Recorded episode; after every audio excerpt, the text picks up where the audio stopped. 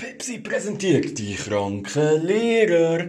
Ja, es ist ein grosses Privileg, eine wahre Freude, euch heute wieder zu einer ganz normalen Absenzmeldungsshow begrüßen zu dürfen. Es haben sich wirklich alle gefreut, heute in die Schule zurückzukehren. Und das alte Sprichwort ist wahrlich wahr. Man merkt erst, wie schön ein Ort ist, wenn man an eben dem Ort mal in einer Geiselnahme war. Ja, und darum wirklich alle gerne zurückgekehrt in die Schule heute. Am Morgen auch keine Absenzmeldung zu verzeichnen. Mittlerweile aber eine. Der Herr Müller bei einem, nennen wir es mal, tragischen Unfall ums Leben gekommen. Er ist heute Morgen in sein Schulzimmer zurückgekehrt, hat sich dann vielleicht einen Moment lang gewundert, wieso kein einziger Schüler auf seinem Platz sitzt, weil die Stunde ja schon angefangen hat hat sich dann also auf seinen fucking Gymnastikball gesetzt, wo dann direkt explodiert ist. Tschüss, Herr Müller, adieu, in dem Fall wohl ein Teil von der Abmachung zwischen Mensa-Managerinnen und Lehrern zum den Frieden herstellen. Äh, direkt vor dem Zimmer vom Herrn Müller haben sich dann auch der Herr Dettwiller, der Herr Nottwiller und der Herr Wilwiller direkt äh, abgeklatscht. Sie ja von der Fachschaft Physik Chemie und sie haben dann den Wasserstofftank und den Sauerstofftank fachgerecht wieder versorgt. Äh, das beweist auch so eine Knallgasexplosion.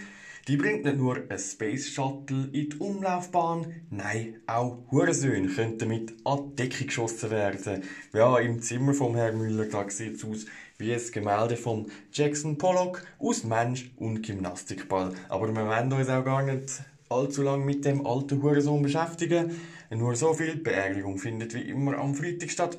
Als ob da jemand hingehen würde. Entschuldigung, habe mich verschluckt. Und wir konzentrieren uns jetzt auf den neu gefundenen Frieden auf dem Schulhofareal.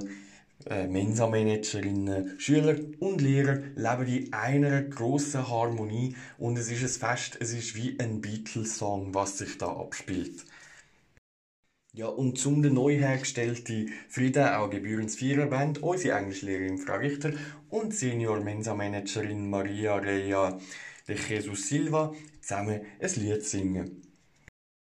Ja, danke vielmals, dass ihr uns habt. Und danke Maria. Also, es freut mich sehr, dass ich mit so einer Top-Senior-Mensa-Managerin ein Lied singen darf. Ja, okay, krieg aus meinem Herz, dir wachsen schon meine Arschhaare auf deine Zunge. Fang an zu singen. Ja, natürlich. There comes a time when we hear a certain call, when the world must come together as one. There are people dying, and it's time to lend a hand to life, the greatest gift of all. We are the world, we are the children. We are the ones to make a brighter day, so let's start giving.